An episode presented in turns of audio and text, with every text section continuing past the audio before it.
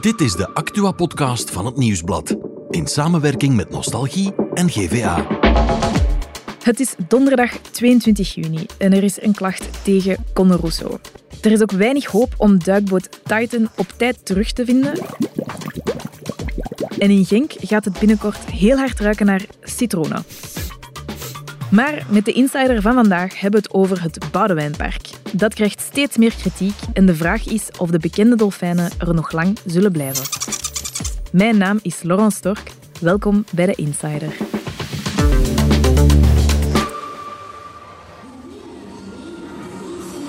Het Boudewijnpark in Brugge.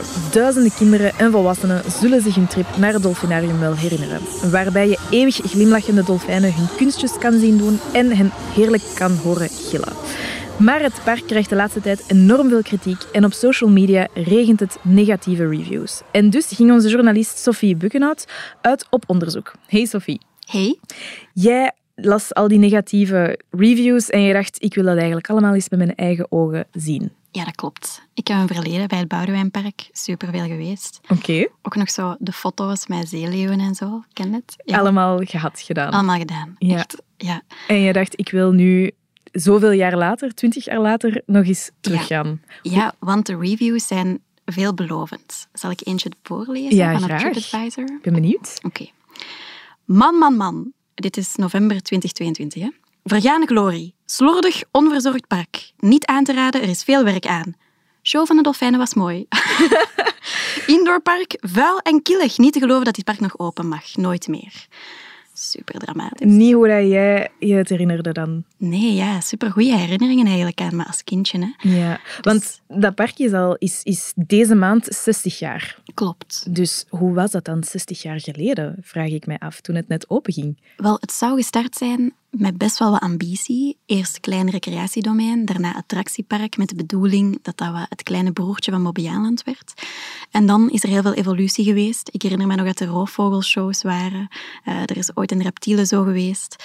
Ehm, en natuurlijk ook de grote mijlpaal in 72 kwam er het dolfinarium bij. Ja, nu, ehm, je hebt ook zelf gezien ehm, hoe dat het eraan toe ging. Hè? Is het dan echt zoals in Ja. de reviews, het park?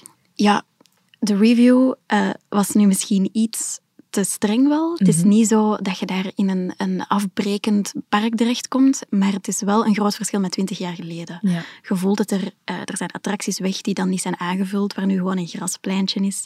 Ehm, er zijn attracties ook zoals de paardenmolen, dat er paardjes zijn afgeplakt, dus niet helemaal hersteld.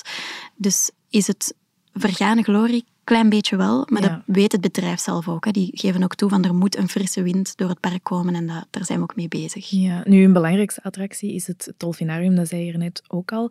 Is dat dan ook vergane glorie of wordt daar dan wel echt in geïnvesteerd? Nee, daar is wel vrij stevig in geïnvesteerd geweest, dus dat voelt je ook wel als een heel chique show. eh, veel educatie ook, een heel stuk moderner. Een van de belangrijkste attracties, je zei het al, Sofie, hier net, eh, is het Dolfinarium. Ja. Eigenlijk fel besproken en vooral de voorbije twee weken. We luisteren naar een nieuwsfragment van Focus WTW van 7 juni 2023. Dolfijn Ori is overleden in het Boudewijn Seapark in Brugge.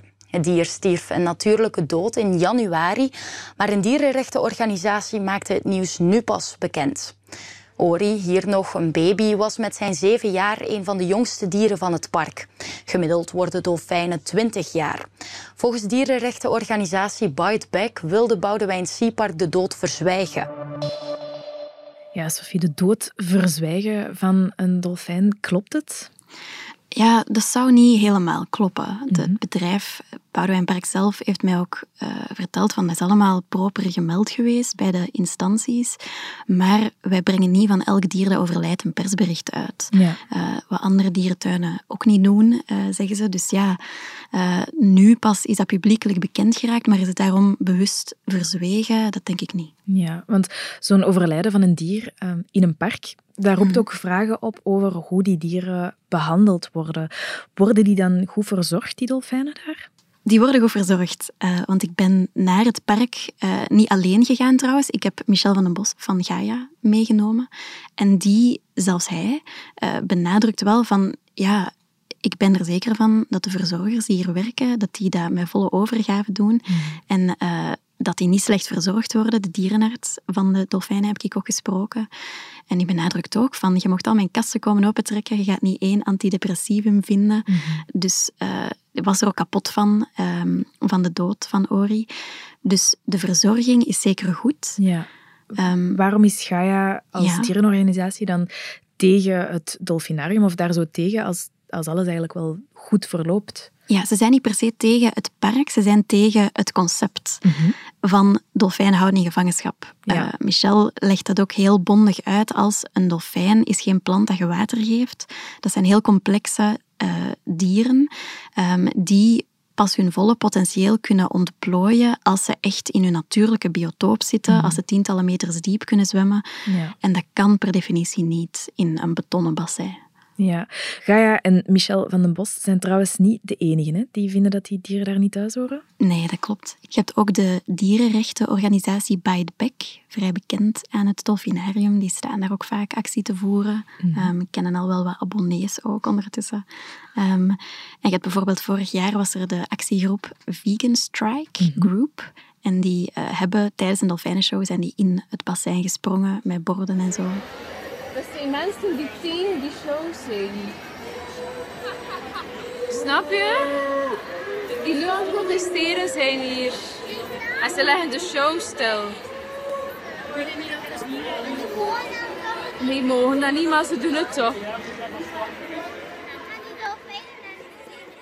Ja, er, er zijn wel wat tegenstanders. Er is wat rond te doen. Nu, jij, Sophie, staat hier eh, op onze redactie wel bekend als de grote dierenvriend. Mhm. Hoe sta jij daar eigenlijk tegenover? Ik ga heel eerlijk zijn. In mijn jeugd, ik heb dat zo vaak gezien. Ik vond dat fantastisch. Mhm. En ik ga er ook altijd goede herinneringen aan hebben. Maar als je dan met Michel naar een show gaat kijken, er valt niks tegen te zeggen. Tegen alles wat hij zegt, van dat is waar. Tuurlijk mhm. worden die goed verzorgd, maar is het nog van deze tijden? Is dat oké dat je dolfijnen houdt of laat kweken in een bassin? Nee, dat denk ik niet, nee. Is het nog van deze tijd, die dolfinaria? Het is een vraag eh, waar minister van Dierenwelzijn, Ben Wijts, zich ook over buigt, hè, over de toekomst van die shows. Ja, in 2019 pleitte Wijts al voor een uithoofdbeleid. Mhm. Ehm, vandaag zeggen ze van we hebben een scenario voor ogen, wordt nog afgetoetst. Ja. Um, dus ja, wat gaat het worden? De toekomst is natuurlijk moeilijk, hè, want die dolfijnen zitten daar nu. Ja. Uh, dus eh, wat, wat, wat, voor opties zijn er? Moet je dat park toch open houden? Mm -hmm. uh, maar dan moeten die natuurlijk kunnen investeren. Moet het een uithoofdscenario worden waarbij er uiteindelijk nog twee dolfijnen alleen daar rondzwemmen? Ook moeilijk. Ja. Gaia kijkt naar een sanctuary in Griekenland, uh, waar zouden kunnen opgevangen worden. Loslaten in de zee kan je ze sowieso niet meer. Mm -hmm. um, dus ja dat wordt nog een complexe puzzel. Ja, want als ik het goed begrijp, kan er ook niet gewoon gezegd worden van hey, die dolfijnen mogen daar blijven, uh, maar zonder die shows mhm. te doen. Dat is moeilijk. Ja, dat is dan weer moeilijk, want het zijn heel slimme dieren. Mm -hmm. Dus dat, zeggen, dat zegt dierenarts ook, van hetgene wat we ze eigenlijk uh, niet kunnen bieden in bijvoorbeeld uh, fourageergedrag, zo voeding zoeken en zo, dat vangen we dan weer op met prikkels van die shows. Ja. Uh, ze zeggen ook van ja, we, we dwingen ze niet, we nodigen ze uit. Met andere woorden, voor die dolfijnen is dat, is dat bezigheid, is dat interessant, dat ze ja. iets te doen hebben. Anders wordt het nog monotoner eigenlijk, hun bestaan daar. Nu, in andere landen is dat wel al gelukt, hè, om het uithoofdbeleid volledig erdoor te krijgen en uiteindelijk te stoppen daarmee. Hè? Inderdaad. Je hebt bijvoorbeeld in uh, het Verenigd Koninkrijk, in 1992 is daar hun laatste dolfinarium al uh, gesloten. Er zijn ondertussen al verboden in bijvoorbeeld uh, Luxemburg, in Brazilië mogen er geen dolfinaria meer zijn. Mm Wallonië en Brussel trouwens ook niet. Dat is ook al enkele jaren dat okay. het daar niet meer mag. Wij, wij lopen dus achter in Vlaanderen. Op, op dat vlak wel. Ja. En dat uithoofdscenario van Ben Wijts, we hebben het daar mm. kort over gehad, maar is daar nu een termijn voor? Is het einde in zicht? Ja, wel, voor, even voor de duidelijkheid, dat is er nog niet, hè, dat uithoofdscenario. Dat is iets waar hij voor gepleit heeft, maar mm. dat is nog niet in een wet uh, vastgelegd of ja. zo. Dus op dit moment is het dolfinarium gewoon nog open en blijft dat open. Um, maar uh, over de plannen van de toekomst heeft Wijts wel al gezegd hè, dat hij op uh, parlementaire vragen dat hij eerder dit jaar al kreeg, nog voor het zomerreces, uh, daar antwoord op wilt geven of de knoop wilt doorrekken. Um, dus hopelijk is daar binnenkort duidelijkheid over. Ja, inderdaad. Ben benieuwd wat dat zal geven. Dankjewel, ja, Sophie. Ook. Merci. Als je meer wil weten over beleggen, kan je dat vragen aan de voetbaltrainer van je zoon. Je moet op de beurs spelen zoals op het veld. Hè? Direct vol in een aanval. Mijn tactiek, dat is een 4-4-3. Vier aandelen, vier obligaties en drie kasbons. En wie niet presteert, ja, die wordt direct gewisseld, hè? Ah ja! Je kan er dus maar beter over praten met de experten van KBC. Via Kate en KBC Mobile, via KBC Live of gewoon op kantoor. Jouw leven, jouw plannen, jouw belegging. KBC. Beweegt met je mee.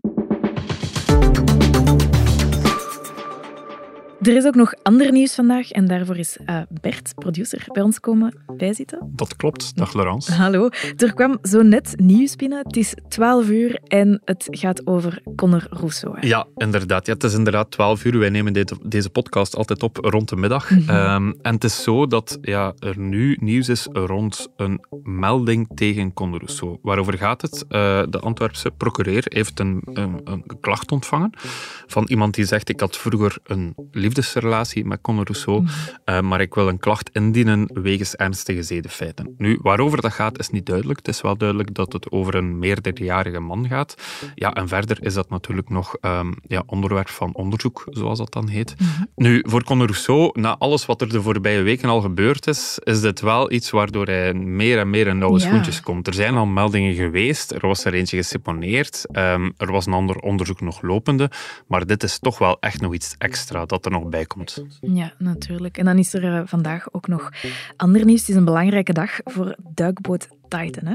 Ja, die day eigenlijk. Hè. Mm -hmm. um, het is de dag waarop alle zuurstof uh, zou opgeraken in ja. de duikboot. En ja, het ziet er niet goed uit, in alle eerlijkheid. De duikboot is nog altijd niet gevonden, ondanks de enorme zoekactie. En ja, zelfs als ze hem nu in extremis nog zouden vinden, moeten ze hem nog naar boven krijgen. Dat duurt ook nog uren om die helemaal naar boven te halen, als dat zelfs nog lukt. Mm -hmm. Dus um, ja, uh, er is niet zoveel hoop meer. Ja, ik ging net zeggen, weinig hoop. Nu, in de regio um, van Genk, daar is wel hoop, uh, met een uh, wel heel raar middeltje om afval tegen te gaan, toch? Of sluikstorten? Raar, het is wat je raar noemt, Laurence. Ze gaan sluikstorten bestrijden met citroen. Mm -hmm. Dat daarop gooien? Of? Nee, nee dat, is, dat gaan ze niet doen. Nee, ze gaan uh, drie vogelhuisjes zetten in een straat en die gaan citroengeur uh, verspreiden. Mm -hmm. um, Waarom? Eigenlijk om die sluikstorters een beetje ja, um, te beïnvloeden. Uh, het is zo dat onze hersenen citroengeur associëren met um, zuiverheid, met mm -hmm. netheid. En dat zou op iedereen op elke mens een soort van effect moeten hebben, dat die denkt van, hmm, misschien in deze straat ga ik toch mijn vuilzak dan toch maar niet uh, droppen. En werkt dat dan? Um, er is uh, al een proefproject geweest in Eindhoven, daar had het wel effect, uh, wordt er gezegd. het enige wat ik mij dan afvraag is, ja, stel nu dat dat, dat nog werkt, mm -hmm. wat doe je dan met die vuilzak, waar je dan als sluikstorter al mee rondloopt, waar moet je daar dan mee naartoe? Naar de volgende straat, ja. waar geen citroenkatjes hangen, dus ik weet niet of het zo performant is, maar ja. Ik ga het misschien wel thuis uittesten. Je weet maar nooit. Een beetje ja. citroontjes overal en wie weet verdwijnt ja, dat die afval. automatisch beginnen voilà. opruimen en zo. Inderdaad. Oh. You never know. -hmm. Dankjewel, Bert. Graag gedaan. Morgen zijn we er weer met de Insider.